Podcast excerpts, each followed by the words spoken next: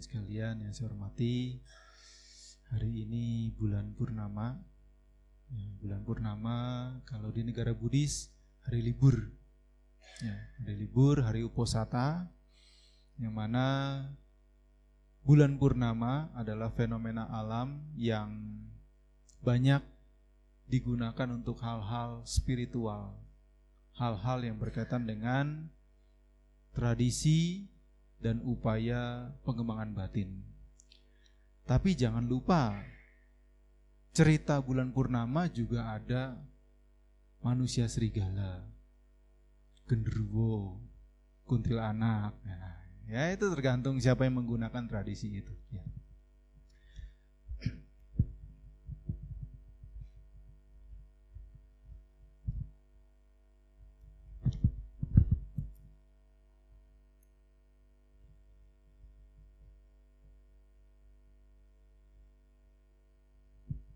Ini tema kita. Ya. Acintea, ini ada di Acintea Suta, Anggutara Nikaya. Anggutara Nikaya itu satu kumpulan khotbah yang bernomor. Jadi dikumpulkan berdasarkan poin. 1, 2, 3, 4, 5, sampai 11. Jadi mau cari tema-tema dhamma yang bertingkat, nah itu salah satunya Anggutara Nikaya. Nah di Acintea Suta Nah, Sang Buddha menjelaskan dari kata dari kata cita. Cita. Cita sama juga dengan cinta. Tapi bukan cintanya anak muda, bukan. Tapi cintanya anak muda pun dari ini. Cita kesadaran, batin atau pikiran. Dipikir, dihayal, dilamun, direnung, dipikir, dilamun. Nah, jadi cinta beneran. Ya. Cita sama cinta sama. Nah, cintea. Ya. Dari katanya cita atau cinta, nah, kemudian menjadi kalimat atau menjadi kata menjadi cintea. A ini adalah negasi atau sesuatu yang kebalikannya. Dari kata cintea menjadi acintea. Kalau dia depannya ini vokal, ya seperti ata jadi an ata, jadi an, jadi an. Tapi kalau dia depannya konsonan, a saja. Nah itu. Seperti ku salah, jadi aku salah. Nah itu karena konsonan. Tapi kalau dia vokal, dia jadi an itu ya se, seputar bahasa Pali untuk ya seperti kalimat atau kata-katanya. Dari kata cintea menjadi acintea. Dari sesuatu yang dipikir, dipikir, direnungkan, ya, dianalisis dari sesuatu yang bisa dipikirkan, bisa dianalisis, bisa dibayangkan menjadi yang tidak bisa dipikir tidak bisa dianalisis, tidak bisa dibayangkan. Oleh siapa? Oleh kita manusia biasa. Oleh kita putu jana. Nah, acintea ini sesuatu yang tidak bisa dipikirkan oleh kita putu jana. Bisa dipikirkan, bisa dimengerti, bisa dipahami oleh yang Arya Pugala, apalagi sama Sang Buddha. Nah ini maksud dari acintea. Sesuatu yang tidak bisa dipikirkan oleh kita orang biasa. Bukan rahasia, bukan. Kitanya belum mampu. Ya. Tetapi ada yang bisa dipikirkan oleh manusia. Meskipun belum terjadi. Ini juga dari kata cita. Ya. Bahasa Jawanya itu cipta. Kita kan udah berusia nih rata-rata nih. Ya, apalagi yang sudah 50. Waktu masih 10 tahun, Kan belum ada alat namanya handphone kan? Belum ada. Ada tapi terbatas di lingkungan intelijen, militer dan sebagainya. Karena itu untuk satelit. Dipikir, dipikir, dipikir, dibayangkan, diimajinasikan, ada handphone. Manusia ngeliat burung terbang. Wah, kayaknya kalau terbang tuh enak, bisa ke mana-mana bebas. Dipikir, dipikir, dipikir, dipikir.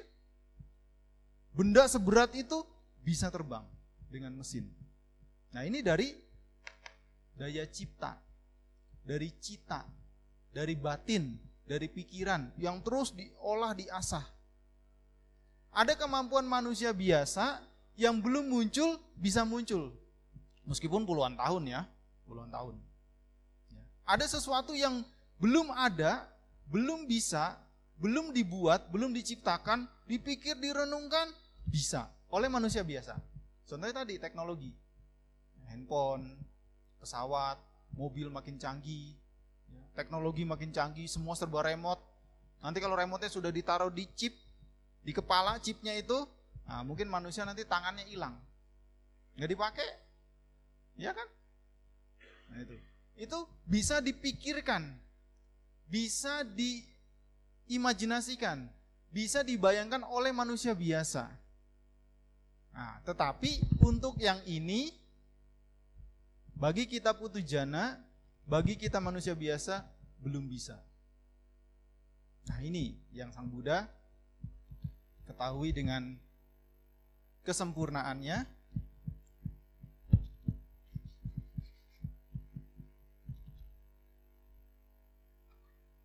ada hal-hal yang tidak bisa atau belum bisa dipikirkan atau diolah menjadi data oleh manusia biasa. Kalau dipaksa bisa error. Bisa gila kalau dipaksa. Kenapa? Ya karena memang ini berkaitan dengan batiniah. Dengan dengan pikiran. Ya kalau dipaksa nggak kuat orangnya. Kita mikir masalah aja bisa stres. Baru masalah kita belum masalah orang lain. Ya. Nah ini yang ini kalau dipaksakan yang memikirkan itu tidak kuat. Tapi ada sesuatu yang bisa kita pikirkan seperti tadi. Yang belum ada bisa menjadi ada teknologi dan sebagainya.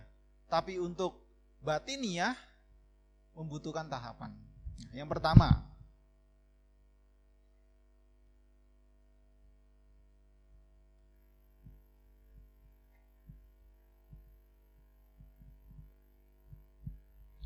Buddha Gocara Acintea. Artinya, kemampuan sama sang Buddha persisnya apa, kita tidak bisa mikirkan. Kita nggak nyandak, nggak tekan, Lalu kita tahu dari mana? Dari Tipitaka.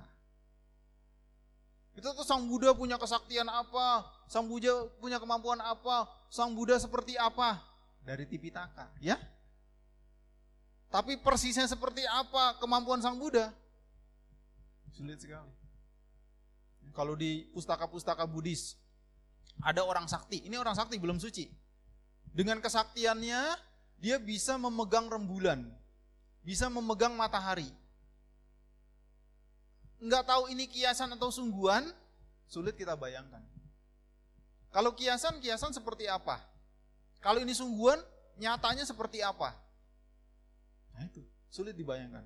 Dengan kesaktian seseorang yang sakti yang tadinya padang pasir, yang tadinya batu, ya, daerah berbatu, bisa jadi hutan yang rimbun. Nah, ini sulit. Sulit untuk dilogikakan. Nah, kemampuan Sang Buddha bagi kita kita tidak tidak tidak mampu. Persisnya seperti apa kemampuan Sang Buddha itu kita tidak tahu. Kita hanya tahu dari Tipitaka. Tapi detailnya seperti apa sulit sekali. Kenapa? Karena sangat tinggi. Sangat tinggi hasil dari kesempurnaan parami. Nah, itu. Tapi kalau mungkin arahata masih bisa, masih bisa karena di bawahnya. Atau manusia biasa yang pinter, yang cerdas seperti apa bisa diukur. Tapi kemampuan sama sang Buddha yang paraminya sempurna, 10 parami dikali tiga tingkatan, total 30 parami yang disempurnakan oleh Bodhisatta calon sama sang Buddha, itu sulit. Kebajikannya seperti apa? sulit. Makanya di tradisi bukan Terawada Sang Buddha tidak digambarkan meninggal. Theravada santai aja alamiah. Sang Buddha meninggal. Ya. Sang Buddha tua, ya, Sang Buddha lapar, Sang Buddha sakit. Itu alamiah sekali Theravada.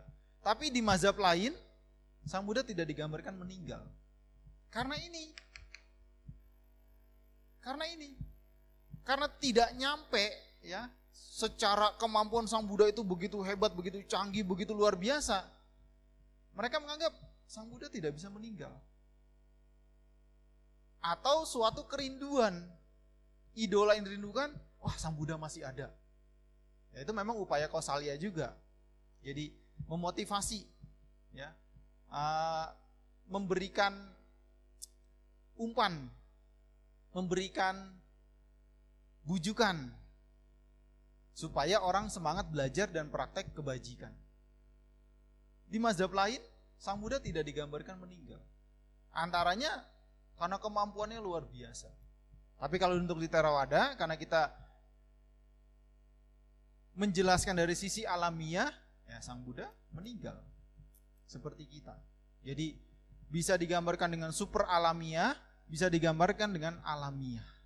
Itu dia. Karena kemampuannya sangat luar biasa. Sulit, sulit, sulit untuk diukur, sulit untuk dipikirkan. Seperti Yamaka Patiharia yang hanya dimiliki oleh Buddha. Buddha ini adalah sama-sama Buddha. Nah itu sulit untuk dibayangkan. Dari pinggang ke atas keluar api, dari pinggang ke bawah keluar air. Nah, sulit seperti apa? Sulit digambarkan. Wajahnya Sang Buddha saja seperti apa? Sulit. Kita hanya bisa mengira-ngira saja. Makanya tiap tradisi tidak sama. Tradisi tidak sama.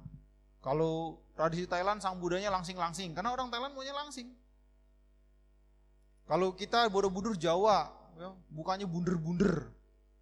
Karena hokinya orang Jawa itu mukanya bunder-bunder. Kalau di Tiongkok tembem-tembem matanya sipit, ya menyesuaikan lokal. Nah itu dia. Karena sulit untuk menggambarkan persisnya seperti apa. Itu. Jadi Buddha Gocara, kemampuan dari sama-sama Buddha persisnya seperti apa, kebajikannya seperti apa, kesaktiannya seperti apa, kebijaksanaannya seperti apa, kepandaian seperti apa, kita tidak bisa mengukur. Saking hebatnya. Nah, yang kedua masih agak berkaitan.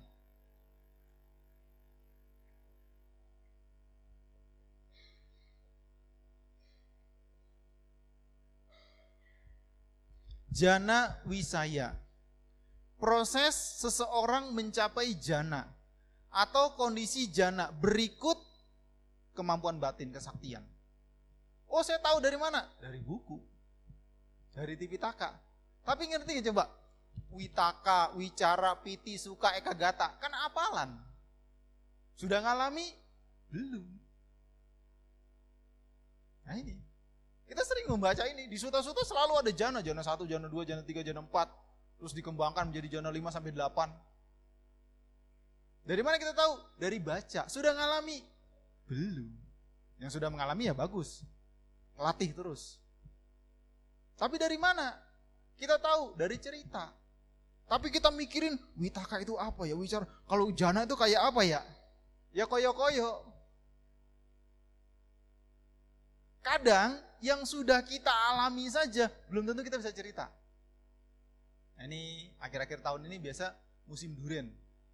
Siapa yang suka duren? Nah, nah yang suka duren. Bapak. Bapak suka duren. Tolong Pak cerita, rasanya duren koyo opo? Iya duren. Ya begitu itu. Sudah kita makan, sudah kita cicipi, mau ngomong bingung. Apalagi yang belum pernah ngalami, belum pernah nyicipi. Nah itu. Nah ini, jadi keadaan batin kondisi jana persisnya seperti apa kita tidak tahu. Kita hanya bisa mengalami sendiri, tapi kalau sudah ngalami, bingung mau cerita. Wah, makanan buah paling enak itu duren loh. Wah, cari, dapat. Wah enak, oh ya enak sekali. Gimana? Gimana ya? Ya ya begitu. Suruh ngerti, kita susah cerita, suruh makan dia, selesai. Itu pengalaman. Nah demikian juga ini. Kalau ini dipikirin, stres kita, bisa error. Tapi kalau kita latih, kita latih, kita latih, kita alami, oh iya, sudah. Kata-kata sudah tidak perlu lagi. Karena kata kata-kata kadang kalimat bahasa itu bisa bias. Bisa membingungkan, bisa menerangkan, bisa membingungkan. Kenapa? Karena bukan pengalaman. Tapi kalau pengalaman, kata-kata kadang tidak perlu. Bingung tadi rasanya duren, kasih duren, selesai. Nah itu. Itu pengalaman. Nah ini ya sudah sangat dalam sekali. Sudah topnya meditasi jana. Kalau dipikirin aja, dibayangkan, dilogikakan, tidak akan sampai. Tidak akan nyandak, malah stres nanti. Tapi ketika dilatih, dilatih, dilatih, karena damai itu pengalaman, bisa dicapai. Yang tiap orang, waktunya nanti tidak sama. Kenapa? Karena karmanya beda. Gitu. Ini yang kedua. Yang ketiga,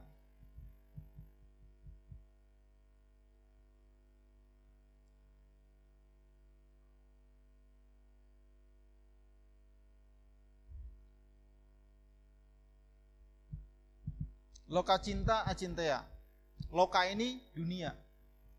Terbentuknya semesta.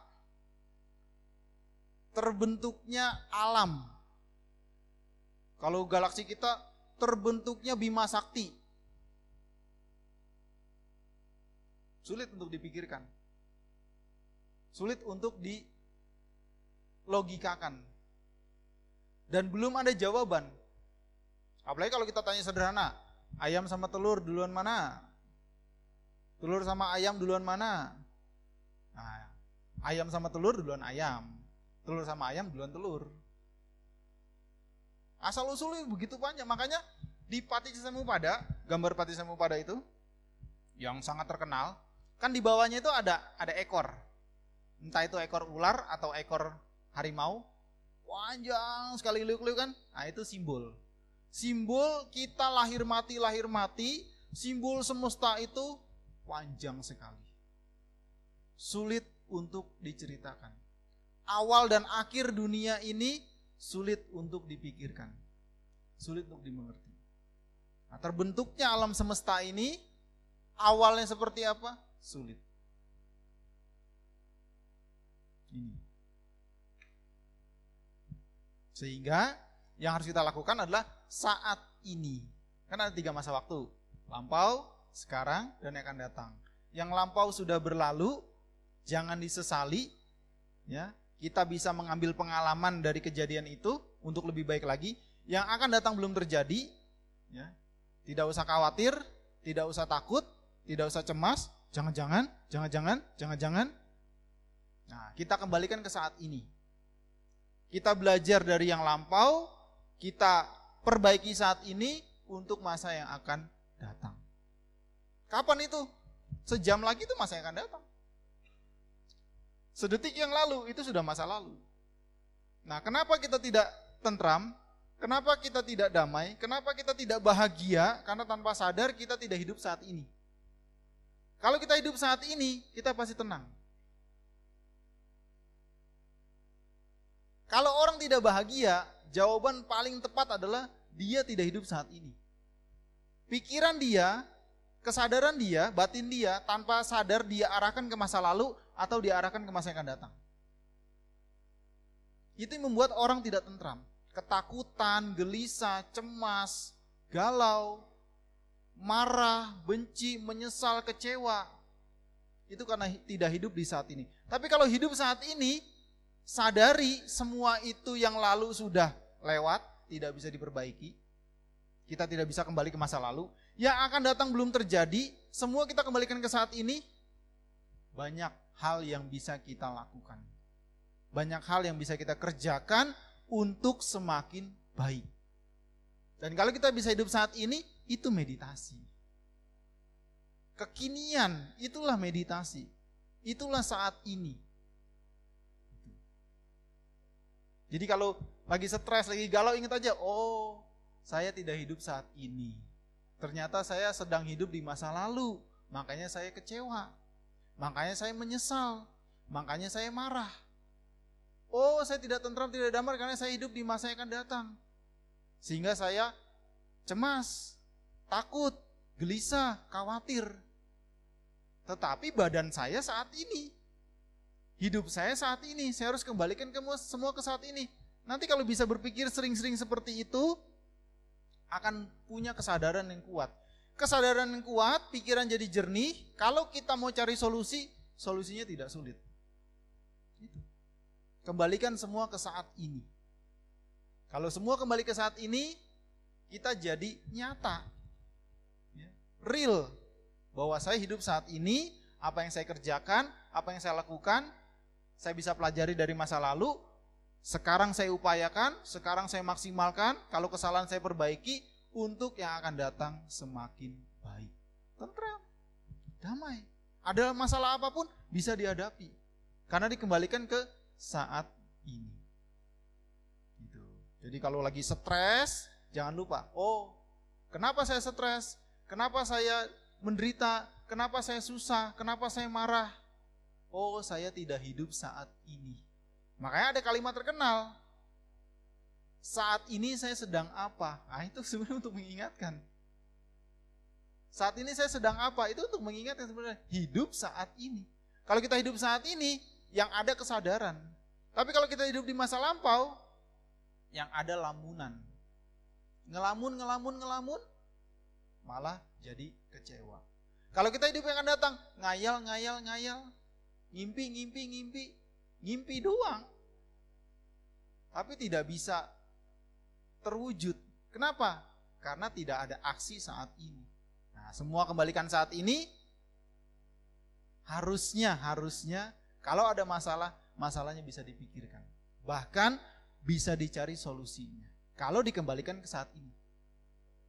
Kenapa tidak ada solusinya? Tanpa sadar pikiran masih melekat ke masa lalu atau ke masa yang akan datang. Itu yang bikin kita tidak tentram.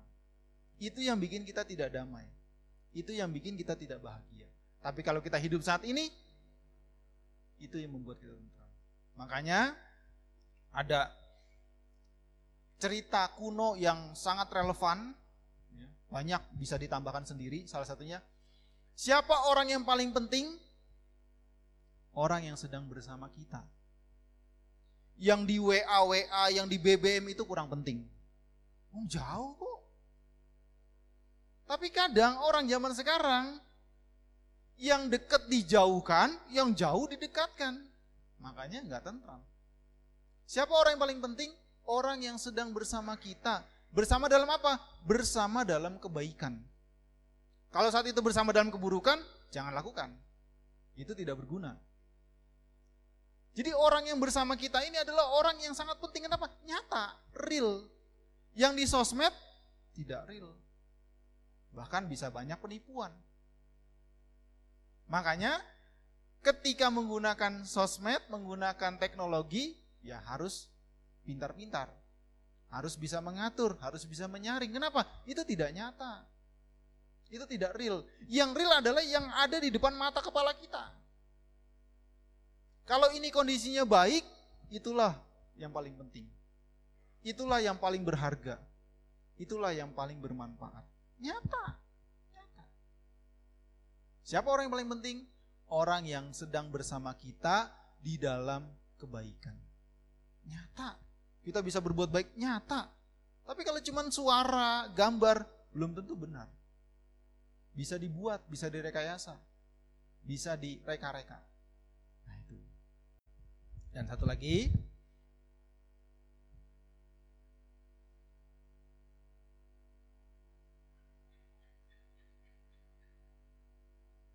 Nah, ini dia. Tidak pernah ketinggalan. Kama wipaka acintea hukum kama wipaka tidak bisa kita pikirkan. Tidak bisa kita pahami secara mendetail. Hanya secara umum. Kenapa? Bukan rahasia. Kemampuan kita belum sampai. Pernah kan saya contohkan, ada orang lagi kebut, lagi lagi urgent, lagi ujian, kita bisa punya teman. Teman kita pulpennya macet atau alat tulisnya mati, hilangkah macet atau apa dan tidak ada cara lain hanya bisa kita yang bantu. Karena nggak boleh keluar ruangan, keluar ruangan takut nanti cari kerepean dan sebagainya. Jadi kita punya pulpen dua, alat tulis dua, kita kasih. Karma baik, sangat karma baik. Karena kalau dia tidak dapat alat tulis, dia tidak lulus ujian itu. Mungkin mengulang tahun depan, kasihan sekali. Nah, ternyata bantuan kita itu membuat dia lancar menulis dan dia ternyata lulus ujian. Bahagia sekali dia. Karma baik? Iya karma baik. Buahnya apa? Nggak tahu. Tapi pasti buahnya baik. Kenapa? Karena sebabnya baik. Niatnya baik. Cetananya baik. Prosesnya baik. Tapi buahnya seperti apa? Tidak tahu. Kenapa? Karena kama pun anata. Artinya kama tidak fatalistik. Kita kasih pulpen nanti buahnya pulpen. Tidak. Buahnya bisa apa saja, tapi baik. Kenapa? Karena niatnya, dasarnya, prosesnya baik. Makanya paling gampang dianalogikan itu, karma itu banknya dua. Bank karma baik dan bank karma buruk. Sehingga tidak akan ketuker. Yang baik tidak akan ketuker masuk ke bank karma buruk, disimpan. Yang buruk tidak akan ketuker masuk bank karma baik, tidak mungkin. Bank karma baik sendiri, bank karma buruk sendiri. Tidak akan ketuker, tidak akan salah. Karena nggak ada tellernya. Dan jangan khawatir, bank karma tidak akan bangkrut. Tidak akan pailit. Jadi karma itu bukan fatalistik sehingga karma perbuatan termasuk nanti hasilnya bisa kita ubah. Nasib bahasa lebih gampang bisa kita ubah. Kenapa? Karena karma bukan fatalistik. Karena karma bisa diubah. Siapa yang mengubah? Ya tentu diri kita masing-masing. Makanya ada perumpamaan terkenal, ada garam dengan air. Misalkan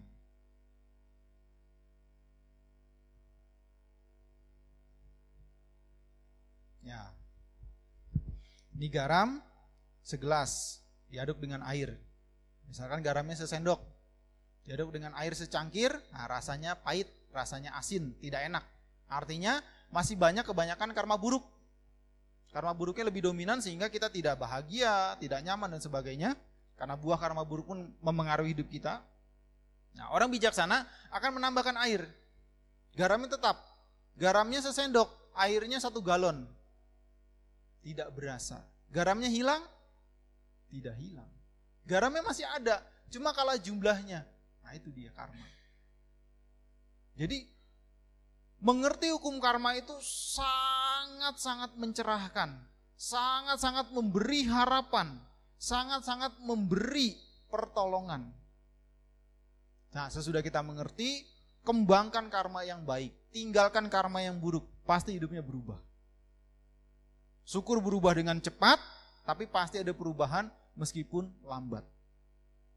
Bisa diubah. Tapi persisnya, detilnya seperti apa, kayak tadi kasih pulpen buahnya ini apa, nah itu kita belum punya kemampuan. Tapi seorang sama Sang Buddha bisa. Makanya kalau sang, kalau Sang Buddha ketemu orang berbuat baik atau berbuat buruk, nah Bante Ananda karena sering kali, paling sering di sebelah Sang Buddha, bersama Sang Buddha, nah Bante Ananda suka tanya, Bante apa yang terjadi dengan orang itu dengan ini? Nah, Sang Buddha bilang, dalam waktu sekian, apakah seminggu, apakah sebulan, apakah berapa hari, nah, Bante Ananda punya ingatan yang kuat. Dicatat semua, diingat semua, persis. Apa yang disampaikan oleh Sang Buddha, persis. Kenapa? Nah, karena kemampuannya sudah mencapai, sudah setara, bahkan melebihi hukum alam. Nah, itu dia. Jadi kalau bagi kita, empat hal ini belum bisa kita mengerti. Belum bisa kita pahami secara mendetail, hanya secara umum dan itu sudah baik. Hanya secara umum kita mengerti bahwa Sang Buddha punya kemampuan yang sangat luar biasa. Makanya Sata Dewa Manusanang, guru para dewa dan manusia. Kita ngeliat dewa aja belum pernah. Kalau di Bali banyak dewa, dewi. Guru para dewa dan manusia. Jadi para dewa pun berguru kepada Sang Buddha. Yang di beberapa kebudayaan para dewa malah diminta-minta. Malah dicari-cari. Tapi sebenarnya mereka malah mencari dhamma. Mencari ajaran yaitu Sang Buddha. Nah, demikian juga dengan kondisi meditasi. Mencapai jana. Nah, ini sulit. Sulit untuk kita mengerti. Kita baca ceritanya aja mumet kan? Baca cerita meditasi, iki opo. Karena itu pengalaman orang lain. Nah, sebaliknya kita ngalamin, kita cerita sama orang lain, orang lain juga nggak mudeng. Nah, itu dia. Makanya kata-kata banyak memberi batasan. Nah, asal usul dunia rumit. Teori terus berkembang. Wong dari dari manusia purba ya ke manusia itu belum ketemu kan? Dibilang dari monyet, oh enggak saya bukan monyet. dari manusia purba ya dari monyet itu istilah kasarnya ke manusia ini kan masih ada rantai yang putus kan? Itu itu baru berapa juta tahun? Baru berapa juta tahun? Belum yang lebih lama lagi. Belum mampu kita. Ya nanti kalau kalau masih sifatnya fisik atau data, pelan-pelan teknologi bisa mengungkap. Tapi kalau yang sifatnya batiniah, nah itu sulit. Ada gelombang alfa, theta, beta dan sebagainya itu itu mengukur. Tapi diterapkan menjadi mesin belum bisa.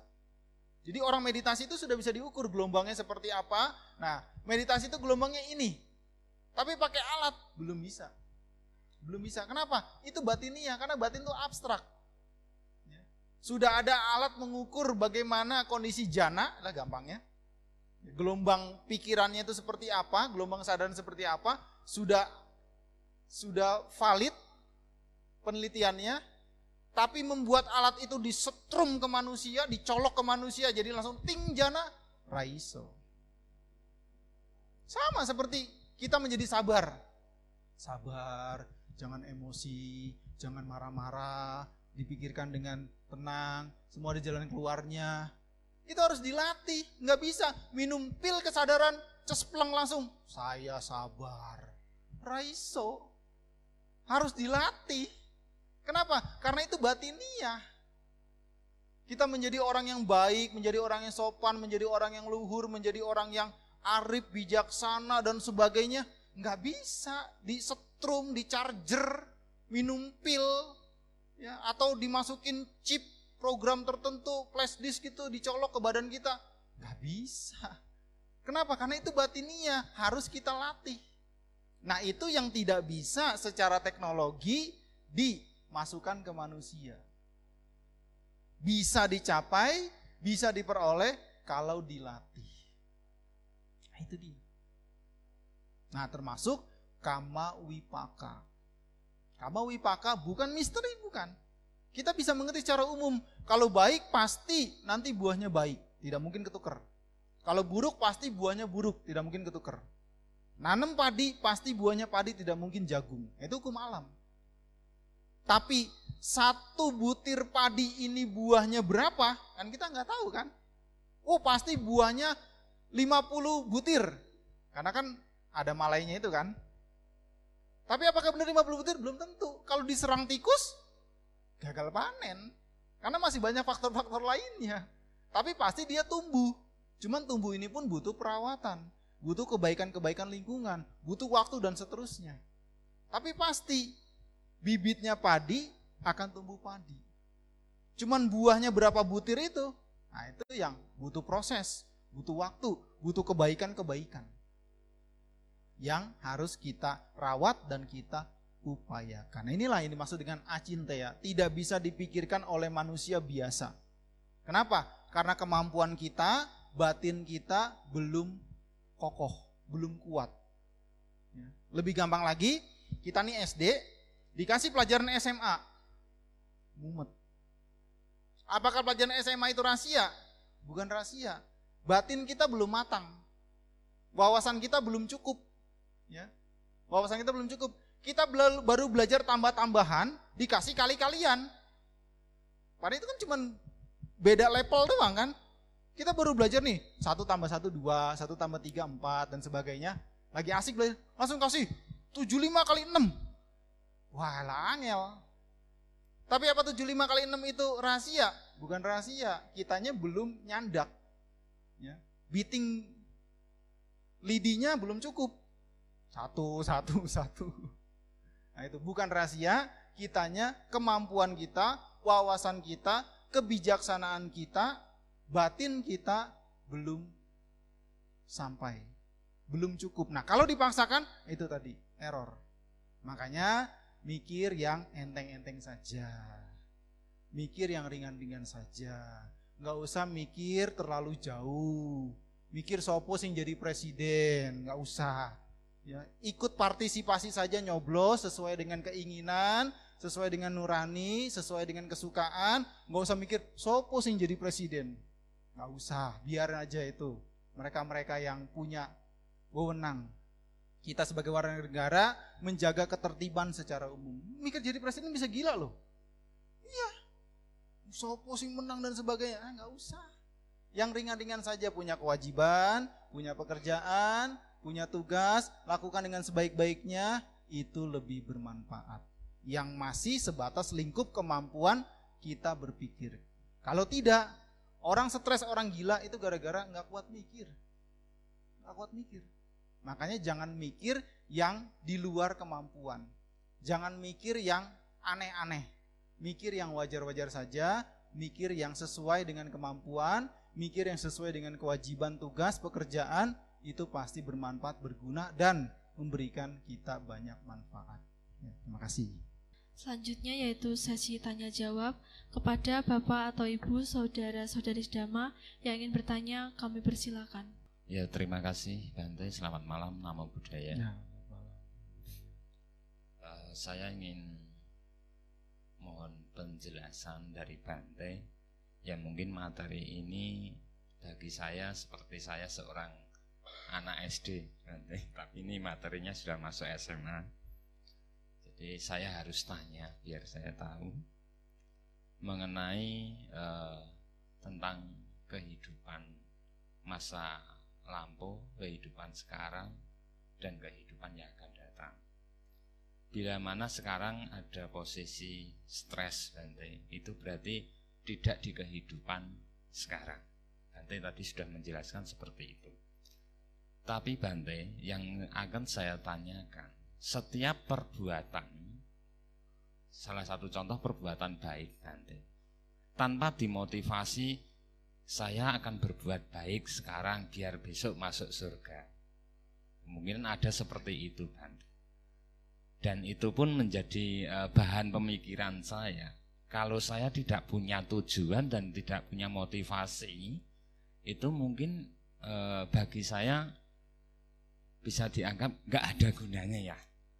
Nah, seperti itu, pemikiran seperti itu apakah bisa dikatakan masuk ke dua kehidupan Bante? Terima kasih. Ya, makasih. Ya, bagus. Jadi begini, dalam kita berbuat kebajikan, ya, kalau kita mau ringkas, nah itu ada tiga tahapan. Jadi orang berbuat kebajikan apa pun, materi dan non materi dan sebagainya, itu akan mengalami, ya, melewati atau merasakan tiga tahapan ini. Yang tentu nanti ada yang paling top, paling ideal. Yang pertama, orang berbuat baik supaya sekarang ini lancar. Dan itu lumrah, itu manusiawi. Tapi itu belum topnya. Belum topnya, belum ideal. Ya, saya berbuat baik supaya orang suka sama saya, orang simpati sama saya, saya dihargai sama orang lain dan sebagainya. Itu lumrah. Selama sudah berbuat baik. Nah yang celaka kan gak berbuat baik tapi pengen dihargai. Nah itu. Jadi ada orang berbuat baik supaya dikenal, supaya populer, itu lumrah. Tapi ingat, ini yang paling dasar, rendah, rendah, rendah.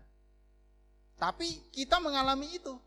Dan mungkin masih banyak orang yang mandek di tahap ini, cepat-cepat lewati. Cepat-cepat lewati. Berbuat baik supaya sekarang ini lancar, bagus, happy, bahagia dan sebagainya. Ya, kalau yang belajar supaya nilainya bagus, lulus ujian, kalau yang kerja, kalau yang dagang supaya laris terus, ingat ya laris terus nanti minggu nggak libur loh. Kerja terus kapan liburannya? Jadi kutu kantor, kutu meja nanti. Itu semua orang ngalami. Tetapi oleh sang Buddha cepat-cepat lewati. Cepat-cepat lewati itu masih rendah. Nah yang kedua itu seperti yang tanyakan. Orang berbuat berbuat baik supaya nanti kalau meninggal terakhir dalam surga. Meninggal terakhir di alam bahagia. Ketemu bidodari ayu-ayu. Itu harapan. Itu dorongan. Itu angan-angan. Itu hadiah dan sebagainya lah terserah istilahnya. Dan itu lumrah selama dia berbuat baik. Jadi ada orang sudah berbuat baik supaya ingin hidupnya bahagia, terlahir di alam surga, itu manusiawi. Jelek? Tidak jelek, tidak. Tidak jelek. Tapi itu belum ideal. Belum top. Kenapa? Karena masih wawasannya sebatas itu. Bahasa lainnya adalah pamrih. Selama dia sudah berbuat baik dan berbuat baiknya benar ya, bukan berbuat baik yang salah, ya. Jadi berbuat baik yang murni, berbuat baik yang dirinya sendiri tidak rugi, dirinya sendiri tidak kesakitan, tidak menderita, tidak teraniaya, orang lain, pihak lain, makhluk lain juga tidak menderita, tidak rugi atas perbuatan kita. Itu kebajikan. Ya, kita tidak rugi, tidak menderita. Orang lain, pihak lain, makhluk lain tidak menderita atas kebaikan atau perbuatan kita. Itu kebaikan. Nah, selama dia ingin sekarang ini lancar, bahagia, happy dan sebagainya, nanti kalau meninggal terakhir dalam surga, itu lumrah. Itu manusiawi dan itu wajar. Tetapi belum ideal belum top. Yang paling top adalah yang ketiga. Berbuat kebajikan hanya semata-mata kebajikan itu saja. Artinya apa? Artinya yang level ketiga ini sudah ngerti, sudah paham. Dan kalau kita bisa berlatih berbuat kebajikan level ketiga, sebenarnya nomor satu, nomor dua ngikut. Ngikut. Jadi kalau kita berlatih di paket yang ketiga, paket pertama, paket kedua, otomatis. Tetapi paket ketiga ini angel. Kenapa? Karena minim pamrih. Egonya, akunya ditekan. Bukan karena ingin populer, bukan karena ingin begini, ingin begitu, tapi semata-mata melatih diri untuk bisa melakukan kebaikan. Bahkan salah satu penjelasan dari kita berbuat kebajikan, contohnya materi adalah latihan melepas. Latihan melepas. Dan ini tidak gampang. Kalau saya kasih contoh begini, ya, pernah saya kasih contoh waktu ceramah Katina, ya saya mewakili curhatan para bantai-bantai lainnya. Umat Buddha berdana ke wihara, dana makan. Biasanya bagi yang belum mengerti, tanpa sadar ada omongan, Bante, saya ini masak dari jam 5 pagi loh Bante, tolong dicicipi. Tolong dihabiskan Bante, spesial. Bapaknya anak-anak belum saya masakin Bante. Itu ya berbuat baik tapi pamrih. Yang melakukan beban, yang menerima stres, diteror. Apalagi itu makanannya dia alergi, tambah stres dia. Itu ya berbuat baik. Tapi masih ada akunya, masih ada pamrihnya, masih ada egonya. Padahal kita berbuat kebajikan latihan melepas. Kalau saya suka saya contoh, contoh yang tengah-tengah, bukan contoh yang jelek. Kan biasa pakai tisu ya, tisu. Terserah mau pakai buat apa, ngelap apa dan sebagainya. Ketika tisu ini sudah kita pakai, sudah kotor, sudah tidak layak, kita buang. Apakah kita cari tisu itu di mana? Tisu ini siapa yang mengurai ya? Tisu ini siapa yang menghabiskan ya? Tisu ini hancurnya bagaimana ya? Kan kita enggak kan? Nah berbuat kebajikan itu seperti kita buang tisu. Nah kalau kita bisa berbuat kebajikan seperti buang tisu, tidak ada pamrih, tidak ada aku, tidak ada harapan ya di situ dan sebagainya karena hukum karma itu pasti itu seperti kita berbuat kebajikan di level ketiga berbuat kebajikan untuk melatih diri semakin luhur nah bisa nggak kita di level ketiga itu ya harus dilatih lebih gampang lagi ya contoh matahari matahari mau dipuji mau dicela mau dihina mau dihargai mau diakui mau di dan sebagainya matahari tetap bersinar Diomelin dia tetap bersinar. Disembayangin dia tetap bersinar. Artinya apa? Kalau kita bisa berbuat kebajikan seperti fenomena alam, itu sudah level yang tinggi. Tidak pernah ada orang waras tengah malam sembahyang supaya besok matahari jangan ada di barat. Jangan ada di selatan. Jangan ada di utara. Semoga besok matahari ada di timur. Gendeng. Kenapa? Sudah pasti diharap, sudah pasti diminta. Nah, kebanyakan kita masih bermain di satu dan dua. Masih ngarep, masih pamrih, masih minta, padahal pasti. Nah, bagaimana supaya pasti? Terus berlatih. Terus berlatih. Terus berupaya, terus memperbaiki, terus meningkatkan. Itu caranya. Kenapa? Karena dhamma itu pengalaman. Saya menyampaikan ini mungkin ibu bapak ngerti, tapi nanti praktek. Buante, kalau masakan ini saya nggak saya dicicipi, besok saya nggak datang lagi. Saya nggak mau dana makanan lagi. Sudah ngerti, tapi ketika praktek, ah lupa lagi. Kenapa? Ah, belum diasah, diasah, diasah, dan diasah. Itu dia. Jadi paling ideal adalah kita berbuat kebajikan di level yang ketiga. Untuk melatih diri melepas. Untuk melatih diri mengikis keserakahan. Untuk melatih diri mengikis ata. Karena kalau kita bisa berlatih seperti itu, nomor satu, nomor dua otomatis ngikut. Seperti matahari, dipuji tidak dipuji, diperhatikan tidak diperhatikan. Kalau pagi dia ada di timur bumi, tidak pernah absen. Hukum alam pasti, hukum karma itu pasti. Nah bagaimana kita bisa pasti? Nah terus berlatih. Jadi saya berbuat baik supaya masuk surga, monggo silakan. Tidak jelek, tidak buruk, cuman ada yang lebih bagus lagi, lebih tinggi lagi lebih luhur lagi, latih terus. Nanti kalau sudah bisa mengerti itu, berbuat kebajikan, ringan. Kenapa? Nomor satu, nomor dua, ngikut. Otomatis, tidak usah diminta, tidak usah dicatat. Ya, saya sudah sebulan, sebulan ini saya sudah berbuat kebajikan sekian. Berdasarkan 10% kortingan dari penghasilan saya. Wah, malah mumet nanti. Malah mumet. Lakukan saja dengan wajar, dengan tulus, dengan ikhlas, melatih, melepas. Kalau kalimat motivasi sekarang ini kurang lebih begini. Kebajikan itu seperti parfum, atau parfum kan, minyak wangi. Nikmati saja aromanya, hirup saja aromanya yang sesuai dengan selera itu, nikmati harumnya parfum tersebut, tapi jangan ditelan. Kenapa? Racun, mati. Mungkimia, Nikmati saja harumnya. Silakan yang pakai suka pakai parfum, wangi-wangian apa. Nikmati harumnya karena itu mungkin bermanfaat. Tapi jangan ditelan, jangan dimakan. Kenapa? Karena kalau parfum itu kita telan, kita makan racun. Mati kita. Artinya apa? Lakukan kebajikan itu dengan wajar, dengan apa adanya, dengan natural. Jangan ditelan.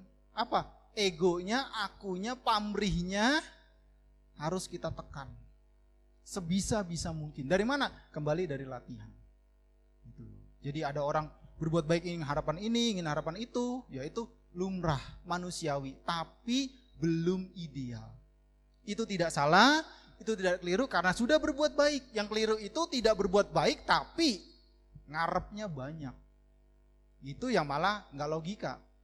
Tapi berbuat kebajikan berharap, pamrih itu masih logik, tapi belum yang ideal belum yang top, belum yang hebat.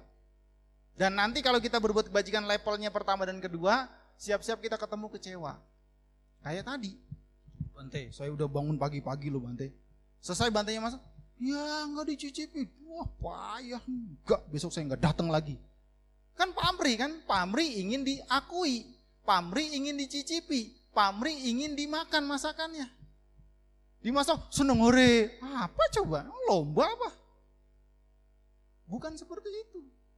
Kita berlatih untuk peduli, berlatih untuk membantu, berlatih untuk menolong dengan tulus, dengan ikhlas, dengan rela. Makanya kebajikan ini adalah kepiawaian. Kusala itu adalah skillfulness, nah, suatu keahlian yang harus kita latih terus. Ya. Nanti semakin kita piawai dalam berbuat kebajikan kita semakin bagus. Cara berpikir kita, prosesnya, objeknya dan sebagainya akan ketemu yang bagus. Kalau kita baca cerita Sang Buddha, mereka ketemu Sang Buddha itu bukan bukan tiba-tiba. Bukan sekonyong-konyong, bukan dadakan mereka ketemu sama Sang Buddha, tidak. Mereka sudah berlatih sampai frekuensinya sama. Bisa ketemu Sang Buddha, bisa berlatih kepada Sang Buddha, bisa berbuat kebajikan kepada Sang Buddha. Itu bukan dadakan. Dari mana? Dari melatih. Jadi sekali lagi, kalau kita berbuat baik ada harapan-harapan itu tidak jelek. Tidak buruk tapi tingkatkan. Kenapa? Karena itu pasti. Ingat matahari, ditonton tidak ditonton, dipuji ataupun dicela, diakui atau tidak diakui, dia tetap ada. Dia tetap bersinar, dia tetap bekerja. Kalau zaman sekarang itu lihat jam. Mungkin kalau jam ditanya, jam, kamu bisa nggak dalam semenit itu 60 kali bunyi atau 60 kali detik? Wah, angel. Kelamaan, ya udah, tiap detik aja kamu gerak. Gerak dia. Nah, itu seperti itu. Nah, saat ini, saat ini, saat ini, saat ini, saat ini. Inilah uniknya ajaran Sang Buddha, sangat detail. Memberi pilihan. Oh saya nggak mau bantu yang ketiga, saya satu aja. Ya monggo silakan. Tidak ada yang larang. Tapi ada pilihan yang lebih baik dan paling baik. Nah dari mana itu? Terus berlatih. Tidak hanya bisa kita pikirkan, tidak hanya bisa kita logikan, tapi harus diasah. Diasah, diasah, diasah, diasah. Pepatah Tiongkok kuno mengatakan, sebatang besi kalau digosok terus jadi jarum. Itu impossible sebenarnya. Tapi itu kalimat motivasi. Besi sebatang digosok terus jadi jarum. Jarum tahu kan? Tapi itu impossible, tapi suatu motivasi. Artinya apa? Kalau terus, ya mungkin, mungkin. Mungkin bisa, meskipun sulit, tapi bisa. Uang sama-sama bahannya besi. Artinya apa? Kalau kita mau berlatih, mau berupaya, nanti kita akan semakin berpengalaman. Semakin piawai, semakin skillfulness, semakin kusala dalam melakukan kebaikan-kebaikan. Seperti itu, Pak.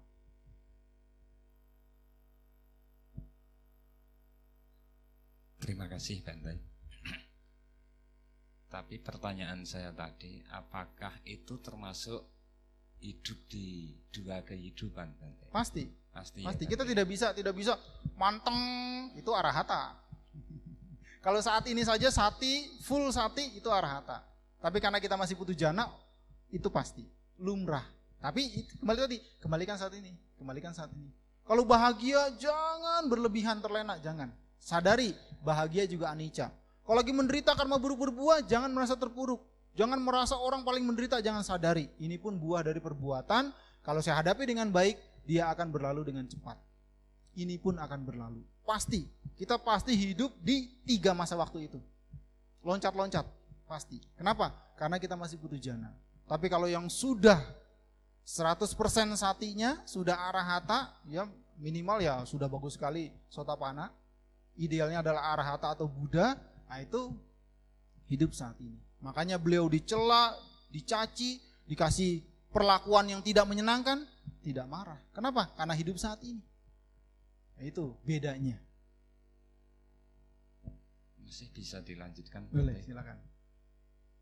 Eh, karena posisi saya eh, itu sebagai Dhamma Duta Bante. Jadi kalau saya memberikan ceramah dhamma kepada umat-umat lokal, ya, itu kalau memang tidak diperjelas, itu biasanya makannya makan mentah Bante. Makanya mumpung saya ini ketemu sama Bante, itu lebih diperjelas lagi. Eh, karena apa Bante? untuk perbuatan baik yang saya tanyakan kepada Bante tadi itu walaupun itu bagi umat awam seperti saya itu eh, istilah realita ya Bante ya. Ya, pasti itu dilakukan oleh umat. Mungkin umat yang datang di sini pasti seperti tingkatan keba melakukan kebajikan yang kedua. Ya. Nah, maka dari itu Bante, menurut saya dua kehidupan itu tidak salah dan diperbolehkan. ya. Dengan kebiasaan seperti itu, Bante, apakah nanti tetap bisa mencapai tingkatan kebajikan yang ketiga, Bante? Bisa, sangat bisa. Semua dari latihan. Bisa. Yang awalnya kita ngarep, ngarep, ngarep, ngarep. Hah? Buat apa ngarep? Capek-capek doang. Malah beban, malah stres. Kita terus berlatih dengan sungguh-sungguh. Kebijaksanaan kita muncul sendiri. Kebijaksanaan kita lahir sendiri. Kebijaksanaan kita berbuah sendiri. Sendiri dalam arti dari proses latihan kita tadi itu. Nah ketika kita sudah seperti itu, ngarepnya sudah enggak. Ya. Kalau awalnya kita, wah, kalau ada orang kita nyapu, nggak ada orang tidur. Itu kayak yang pertama, ya kan? Tapi kalau kita sudah mengerti, ada orang nggak ada orang, jalan. Dari mana? Nah, dari kita latihan. Ah, saya malah jadi nggak normal. Kalau ada orang saya kerja, nggak ada orang saya tidur.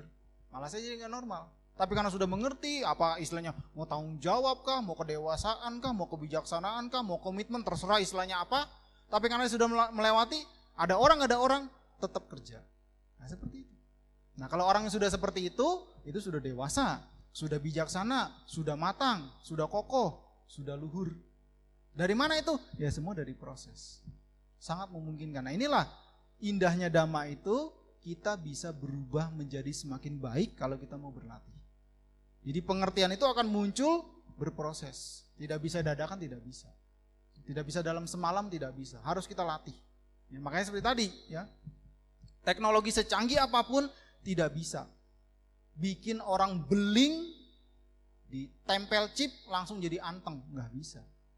Dia harus berlatih supaya jadi anteng. Nggak bisa ditempelin teknologi, disetrum, di charger, dimasukin program apa, nggak bisa. Karena ini batin, Batin itu abstrak. Tapi bisa dikondisikan, bisa diupayakan, bisa dicapai dari latihan. Gitu. Ya, terima kasih Bante. Selamat malam Bante. Uh, ini yang saya dengar ini acintya, acintea kalau di Hindu biasanya kan acintya. Hmm. Nah kita juga kalau yang ada yang meninggal gitu, kita suka sering bilang dumogi ring acin dumogi amor ring acinta yang artinya semoga atmannya menyatu dengan Brahman yang tidak tidak terpikirkan. Nah, yang saya pertanyakan di sini adalah apakah Sang Buddha itu juga uh, sebagai Brahman? Karena yang saya tangkap dari Dhamma kelas ini adalah Sang Buddha itu acintea itu. Jadi, apakah Sang Buddha ini sama dengan Brahman ataukah memang uh, Sang Buddha itu memang Brahman gitu. Terima ya, kasih. Terima kasih. Ya, ini sih masalah klaim mengklaim. ya, jadi acintea di sini bagi Sang Buddha, Buddha Gocara acintea itu adalah kita itu mengukur kemampuan Sang Buddha itu tidak bisa. Kenapa? Karena kemampuan kita belum sama dengan Sang Buddha. Kalau kalau perumpamaan di pustaka-pustaka Buddhis itu, kalau orang bisa melihat orang lain, dia harus di atasnya.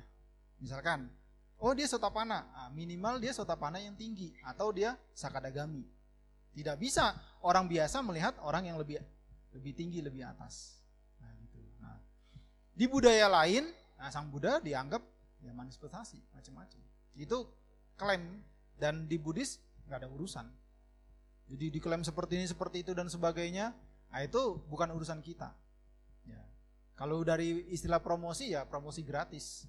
Tapi fakta sejarah arkeologi nah, tidak bisa tidak bisa dibohongi. Kalau dongeng, mitos, cerita ya bisa dikarang. Tapi fakta, sejarah, arkeologi, uji karbon istilahnya itu tidak bisa dibohongi. Nah, itu bedanya. Jadi tergantung ini orang yang melihat ini orang terpelajar atau orang dongengan. Nah, kalau orang dongengan itu ya mudah sekali dibelokkan. Tapi kalau orang terpelajar dia akan mengacu kepada data. Pada data. Jadi kalau di di India sendiri ya Sang Buddha dianggap awatara. Awatara. Avatar ya kalau eh, apa namanya? yang di film-film kartun. Awatara itu titisan. Yaitu silahkan saja karena itu upaya untuk menyamakan, upaya untuk merangkul. Tapi di cerita Buddhis di Tipitaka tidak ada seperti itu. Nah itu. Jadi itu memang strategi. Strategi kalau ada yang seperti itu strategi untuk menyamakan, strategi untuk menggiring, menggiring opini, untuk menarik dan sebagainya. Tapi nanti kalau dikembalikan kepada fakta sejarah historis, data dan sebagainya, akan tahu mana yang sesungguhnya, mana yang karangan atau cerita. Banyak seperti itu, sangat banyak. Itu. Bahkan di negara Buddhis pun mereka punya klaim sendiri. Oh, Sang Buddha pernah ke sini, Sang Buddha pernah ke situ. Nah, kalau kita cari di Tipitaka, tidak ada. Nah, itu dongeng. Itu cerita, itu mitos. Gitu. Jadi apakah benar atau salah? Ya, kita tidak usah berdebatkan hal itu. Tapi yang jelas bahwa apa yang diajarkan itu bermanfaat. Seperti kita, kita menjadi umat Buddha, kita menjadi Buddhis, itu tidak mesti ketemu Sang Buddha langsung. Oh zamannya sudah beda. Tapi ajarannya ini bermanfaat. Silakan uji, silakan coba, silakan teliti, silakan buktikan. Kalau ini bermanfaat, jalankan. Kalau tidak, lepaskan. Seperti itu simple. Gitu. Jadi klaim, pengakuan dan sebagainya, wah itu tidak bisa dihentikan. Tidak bisa dihentikan, tidak bisa dilarang. Tapi kita mencoba menjaga yang sesungguhnya, yang sejarah, yang fakta, yang historis sambil kita menjalankan ajarannya. Itu. Jadi kelebihan ajaran Sang Buddha itu kita bisa belajar ajarannya tanpa harus ketemu Sang Buddha. Bahkan lebih striknya lagi, kita bisa belajar ajarannya, mendapat manfaat dari Dhamma tanpa harus menjadi umat Buddha. Kalau nanti menjadi umat Buddha secara alamiah, bukan secara ritual, bukan secara upacara. Mungkin nanti lama-lama dia muncul kejujuran. Dari proses tadi dia jujur, oh ternyata saya Buddhis. Ya sudah. Akhirnya dia mengatakan kepada teman-temannya atau lingkungannya, saya Buddhis. Sudah. Kita, oh hebat nambah satu. Nggak usah. Nggak penting. Nggak bermanfaat. Kenapa? Malah jadi sombong nanti kita. Yang jelas, damanya ini bermanfaat, jalankan. Sudah selesai. Nah itu namanya universal. Namanya universal. Bisa dipakai, bisa digunakan oleh siapa saja, tanpa harus orang itu mendahului dengan upacara atau ritual. Sebagai Buddhis. Nah nanti sambil berjalan waktu kalau dia cengli, kalau dia jujur, kalau dia gentleman, nah dia akan mengatakan, oh saya Buddhis. Secara pengakuan. Tapi itu tidak penting. Daripada ngaku Buddhis, malah perilakunya jelek, malu-maluin. Udah sedikit jelek lagi. Nah, lebih baik kita kembali kepada diri kita bahwa saya mengerti ini, saya cocok ini, saya paham ini, saya mampu ini, jalani terus, jalani latih, nanti semakin piawai, semakin mengerti. Jadi klaim pengakuan ya kita nggak usah meributkan. Orang siapa pun bisa mengklaim, ya borobudur diklaim ya monggo malah promosi gratis. Tapi fakta sejarah tidak bisa diungkapkan. Itu. Jadi itu strategi atau cara-cara dengan tujuan tertentu yang dibalik itu kita tidak tahu macam-macam motivasinya tapi ada fakta sejarah yang nanti dikembalikan lagi. Nggak usah nggak usah stres nggak usah nggak usah bingung nggak usah kalut dan sebagainya wih borobudur diklaim dan sebagainya ya silakan saja nggak ada masalah malah promosi gratis kok gitu. Tapi nanti kembali ke arkeologi, kembali ke historis, kembali ke sejarah akan terang lagi. Nggak usah khawatir, nggak usah cemas. Yang penting jalankan dhamma itu, itu bermanfaat, berarti kita sudah menjalaninya dengan benar. Selamat malam Bante, Namo Buddhaya. Di sini saya akan bertanya tapi tidak dari tema. Apakah ada dari umat Buddha, eh, ajaran Buddha tentang hari kiamat. Ya, ya makasih. Ada. Dan tanda-tandanya ada, jelas. Di suta-suta, ya, secara ringkas, karena tadi loka cinta cinta ya, terbentuknya bumi, ya, termasuk terbentuknya manusia, itu juga diceritakan, tapi secara umum, bukan secara detail. Karena sebenarnya kalau asal usul manusia itu oleh Sang Buddha itu sebenarnya pengen meluruskan tentang kasta. Sebenarnya kasta yang paling utama adalah kasta kesatria, bukan Brahmana. Tapi karena monopoli ini dari Brahmana, akhirnya berbalik. Kesatria nomor dua, Brahmana nomor satu. Kenapa? Karena kesatria ini pemimpin. Dia awalnya menjaga, memimpin daerahnya dari lingkup kecil, kalau misalnya RT, kalau kita RW dan seterusnya, lama-lama menjadi suatu administrasi pemerintah atau kerajaan. Kasta yang pertama kali muncul, kelompok yang pertama kali muncul adalah pemimpin kesatria. Itu di Aganya Suta itu salah satunya. Jadi kalau Sang Buddha cerita itu sebenarnya tujuan yang sana adalah untuk meluruskan bahwa monopoli kasta Brahmana adalah keliru. Tapi karena dia punya cerita-cerita surga dan neraka dan orang senang dibuai tapi juga takut diancam, Nah, mereka lama-lama jadi dominan. Itu, itu ringkasnya seperti itu. Nah, bagaimana dengan kiamat? Tanda-tanda kiamat, ya, yang ini juga secara ilmiah, ya, nanti kan topnya kan tujuh matahari kan, Tujuh matahari baru meledak karena saking panasnya.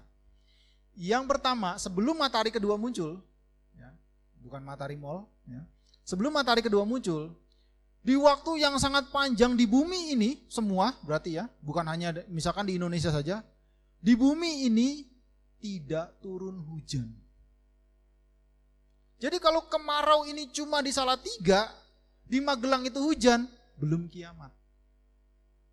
Makanya kalau berarti hujan, nah ingat, ah kiamat masih jauh. Jadi yang mau kerja, yang cari jodoh, yang mau usaha, mau apa, ada hujan, dengar berita aja. Di ujung dunia ada hujan, di negara mana kita tahu, oh, di sana kebanjiran, banjir dari hujan. Kiamat masih jauh.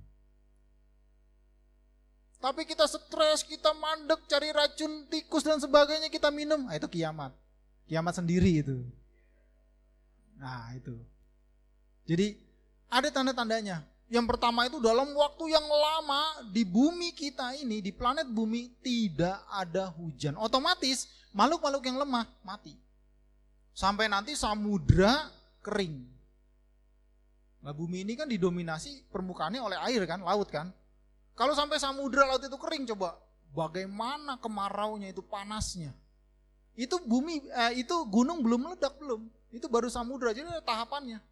Dari tidak ada hujan, sungai-sungai kering, danau-danau kering, laut-laut kering, semakin panas, ya kita kita udah nggak cerita lagi di alam lain, ya. Baru gunung-gunung meletus dan sebagainya, matahari muncul lagi, baru kiamat menjadi debu. Nah itu ada, sangat nyata. Nah, kalau kita kembalikan, kita melakukan keburukan, itu kiamat. Kita menjati makhluk lain, itu kiamat. Artinya apa? Ada hal yang tidak menyenangkan. Ada hal yang tidak membahagiakan. Gitu. Nah, kalau secara hukum alam semesta, planet bumi dan sebagainya, ada kiamat. Tapi masih jauh. Jangan khawatir. Makanya kalau ada orang, eh cepat-cepat bertobat, kiamat sudah dekat. Nah, ajakin tarawan.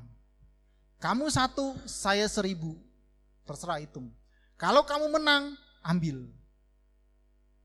Kalau kamu kalah, saya yang menang. Nggak ada kalahnya. Kalau kiamat, mati bareng-bareng. Siapa yang mau ngambil? Iya kan? Menang terus, nggak ada kalahnya. Ini guyon, tapi fakta.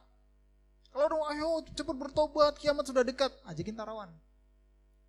Satu banding seribu, satu banding sejuta, berani. Dia satu, kita sejuta, sejuta perbandingannya. Kalau dia menang, ambil. Tapi kalau kita yang menang, kita yang dapat. Nggak ada kalahnya.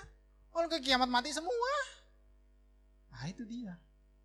Nah jadi isu-isu kiamat itu untuk menggiring opini, untuk memengaruhi dan sebagainya. Padahal faktanya tidak seperti itu. Dan matahari kedua muncul, matahari ketiga dan seterusnya muncul, itu sangat ilmiah. Kalau malam terang, di sini masih termasuk terang, polusi itu. Malam kayak ini cerah nih purnama, nanti lihat ke atas. Bintang itu matahari. Bintang yang bersinar itu, yang jauh itu, ya, itu matahari atau planet. Dia bercahaya sendiri, matahari itu punya sumber energi sendiri. Kalau planet itu pantulan dari matahari, bintang yang lain. Itu nanti lama-lama makin deket. Deket, deket, deket, deket karena pengaruh gravitasi dan sebagainya.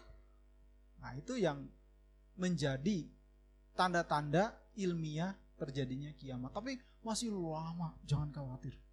Masih lama. Masih lama. Jadi mau usaha, mau apa, mau berkarya, monggo. Kiamat masih jauh. Gitu. Tapi kalau kita untuk pribadi, kita berbuat keburukan, kita membuat penderitaan, nah itu boleh kita istilahkan kiamat juga. Dalam arti hal yang tidak menyenangkan.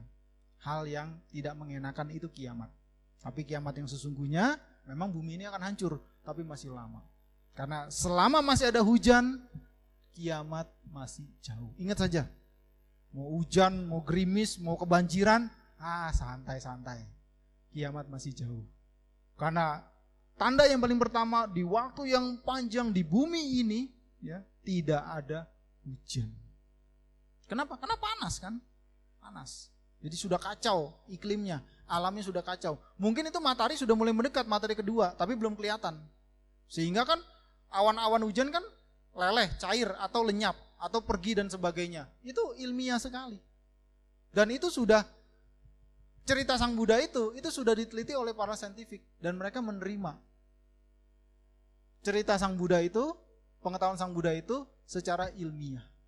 Sangat ilmiah. Makanya bahasa lebih modern ilmu pengetahuan itu sedang membuktikan tipitaka. Bukan kitab suci mengikuti ilmu pengetahuan, bukan. Tapi sebaliknya, sains ilmu pengetahuan sedang membuktikan tipitaka. Sedang membuktikan ajaran Sang Buddha. Yang lagi tren sekarang ini dan masih terus dikaji tentang past life. Kehidupan lampau. Nah itu kan detail sekali ajaran Sang Buddha kan? Karma, kama wipaka. Tapi ilmu pengetahuan itu sedang mencari past life, regresi apa dan sebagainya. Itu kan cara langsung kan promosi ajaran Sang Buddha, cenglinya. Kenapa? Karena seperti itu detailnya cuma ada di ajaran Sang Buddha. Kenapa hanya di Sang Buddha? Karena hanya bisa diketahui oleh orang yang kemampuannya canggih. Kalau kemampuan biasa-biasa, jangan kan bikin pesawat, bikin oncom aja nggak bisa. Karena nggak nyandak. Bikin oncom aja gagal. Kenapa? Nggak nyampe. Tapi kalau orang canggih, pesawat bisa dibikin. Nah, ya, kurang lebih seperti itu. Pengumpamaannya. Jadi ada kiamat. Jangan khawatir, masih lama. Jadi berkarya, bekerja, melakukan yang terbaik. Jangan khawatir. Kiamat masih jauh. Ya, kasih. Ini saya mau melanjutkan uh, pertanyaan dari Mas Sabar tadi. Ah. Karena uh, pengertian kiamat itu kalau orang-orang kampung, orang-orang kuno itu kiamat itu langit jadi bumi, bumi jadi langit. Wah, terbalik. Uh, sebetulnya, Bante, kata-kata kiamat itu memang bahasa umum atau bagaimana, Bante? Hmm. Uh, bahasa umum yang sudah bahasa Indonesia. Ya mungkin di luar negeri di Amerika gitu juga kata-kata itu ya juga kiamat. Sama, pengertiannya kiamat sama. Oh. Kekacauan, Terus yang- kehancuran. Eh, yang disebutkan kiamat itu sebetulnya apakah sama hancurnya dunia atau bagaimana? Iya, kalau yang yang arti khusus dari kiamat itu hancurnya semesta ini. Kalau yang paling kecil adalah tata surya. Ya, dari matahari sampai sekarang sudah Pluto lagi udah masuk lagi. Gitu. Itu yang paling mudahnya kita pahami. Jadi hancurnya satu tata surya atau bahkan galaksi itu kiamat. Gitu. Tapi kita menderita, kita stres, aduh dunia seperti kiamat ya, kiamat sendiri. Kiasan. Jadi ada kiamat yang sungguhan, betul. Nah, istilahnya bahasa apa pun pengertiannya sama. Jadi, jadi memang ada ketakutan dalam kehidupan manusia itu tentang kehancuran. Makanya ditambahkan cerita, dongeng, ada surga, ada neraka. Tapi nggak penting. Nggak penting. Kenapa kembali ke tadi? Kalau kita berbuat baik sungguh-sungguh, kalaupun tidak ada surga, kita bahagia sudah. Nggak usah khawatir. Tapi kalau ada surga, nah kita sudah punya tiket. Dari mana? Kebaikan. Kalau orang berbuat jahat, ya, dia minta ampun, dia ritual seperti apa, tetap karmanya tidak bisa ditukar. Meskipun tidak ada neraka, sekarang dia sudah menderita. Membuat orang lain menderita itu sebenarnya penderitaan. Kenapa? Karena dia tidak bijak. Nah, kalau memang sesungguhnya ada alam neraka, pasti dia akan ke sana. Karena karmanya mengarahkan ke sana. Tetapi di dalam dhamma, alam-alam lain nyata. Yang paling jelas adalah tetangga kita, binatang. Itu alam lain. Yang langsung sama-sama di alam kita ini. Yang tidak tampak alam peta, alam setan kelaparan. Itu tetangga kita juga yang yang dekat, tapi sulit terlihat. Yang paling terlihat adalah alam binatang. Nah, nanti pengembangannya ada alam bahagia surga, ada alam menderita yang parah neraka. Itu nyata. Nah, tetapi kalau itu sulit dibuktikan tidak apa-apa. Karena Buddhis tidak bu- membutuhkan pengakuan seperti itu. Tapi yang jelas, kalau kita berbuat kebajikan itu seperti surga. Artinya kita nyaman, tentram, happy, bahagia. Orang sekitar kita, makhluk sekitar kita juga berbahagia. Itu seperti surga. Tapi kalau kita berbuat keburukan, kita sendiri sudah stres, sudah beban, sudah tidak wajar, sudah tidak layak perilaku kita seperti manusia yang pantas, objeknya pun menderita. Itu seperti neraka. Jadi kalau sudah punya kemampuan batin yang diasah dengan benar, nah itu bisa membuktikan sendiri. Makanya abinya kesaktian itu sebenarnya untuk membuktikan dhamma. bukan untuk gaya-gayaan.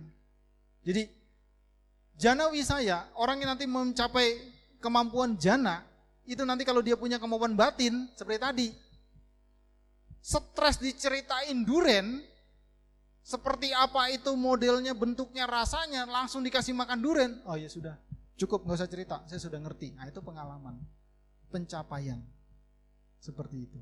Jadi abinya kemampuan batin itu sesungguhnya kalau memang itu dicari atau dikejar untuk membuktikan secara langsung ngalami bahwa oh ternyata Sang Buddha ngajar ini. Oh ternyata Sang Buddha cerita ini ngajar ini tenanan, bukan jarene. Sekarang ini kan kita masih jarene kan? Jarene kitab suci, jarene narasumber, jarene biku, jarene dhamma duta, ya, jarene dhamma kelas, jarene khotbah, jarene kan? Katanya kan? Nah, diharapkan dari katanya itu kita latih, kita asah. Bukan jarene lagi. Oh, saya tenanan ngalami. Eh, durian ada yang kuning loh. Eh, durian ada yang merah loh. Mosok jarene. Ketika ketemu langsung dimakan, oh ya bener. Durian ada yang merah, durian ada yang kuning. Nah, itulah antara teori dengan praktek seimbang. Nah, dimaksudkan kita punya kemampuan batin itu untuk membuktikan langsung ajaran Sang Buddha yang memang semuanya kebanyakan batiniah, abstrak. Nah, bisa dialami langsung dengan latihan tadi.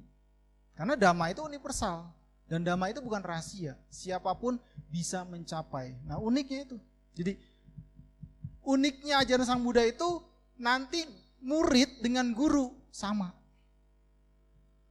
Kalau yang lain kan murid tetap murid, nggak boleh naik kelas murid tetap murid.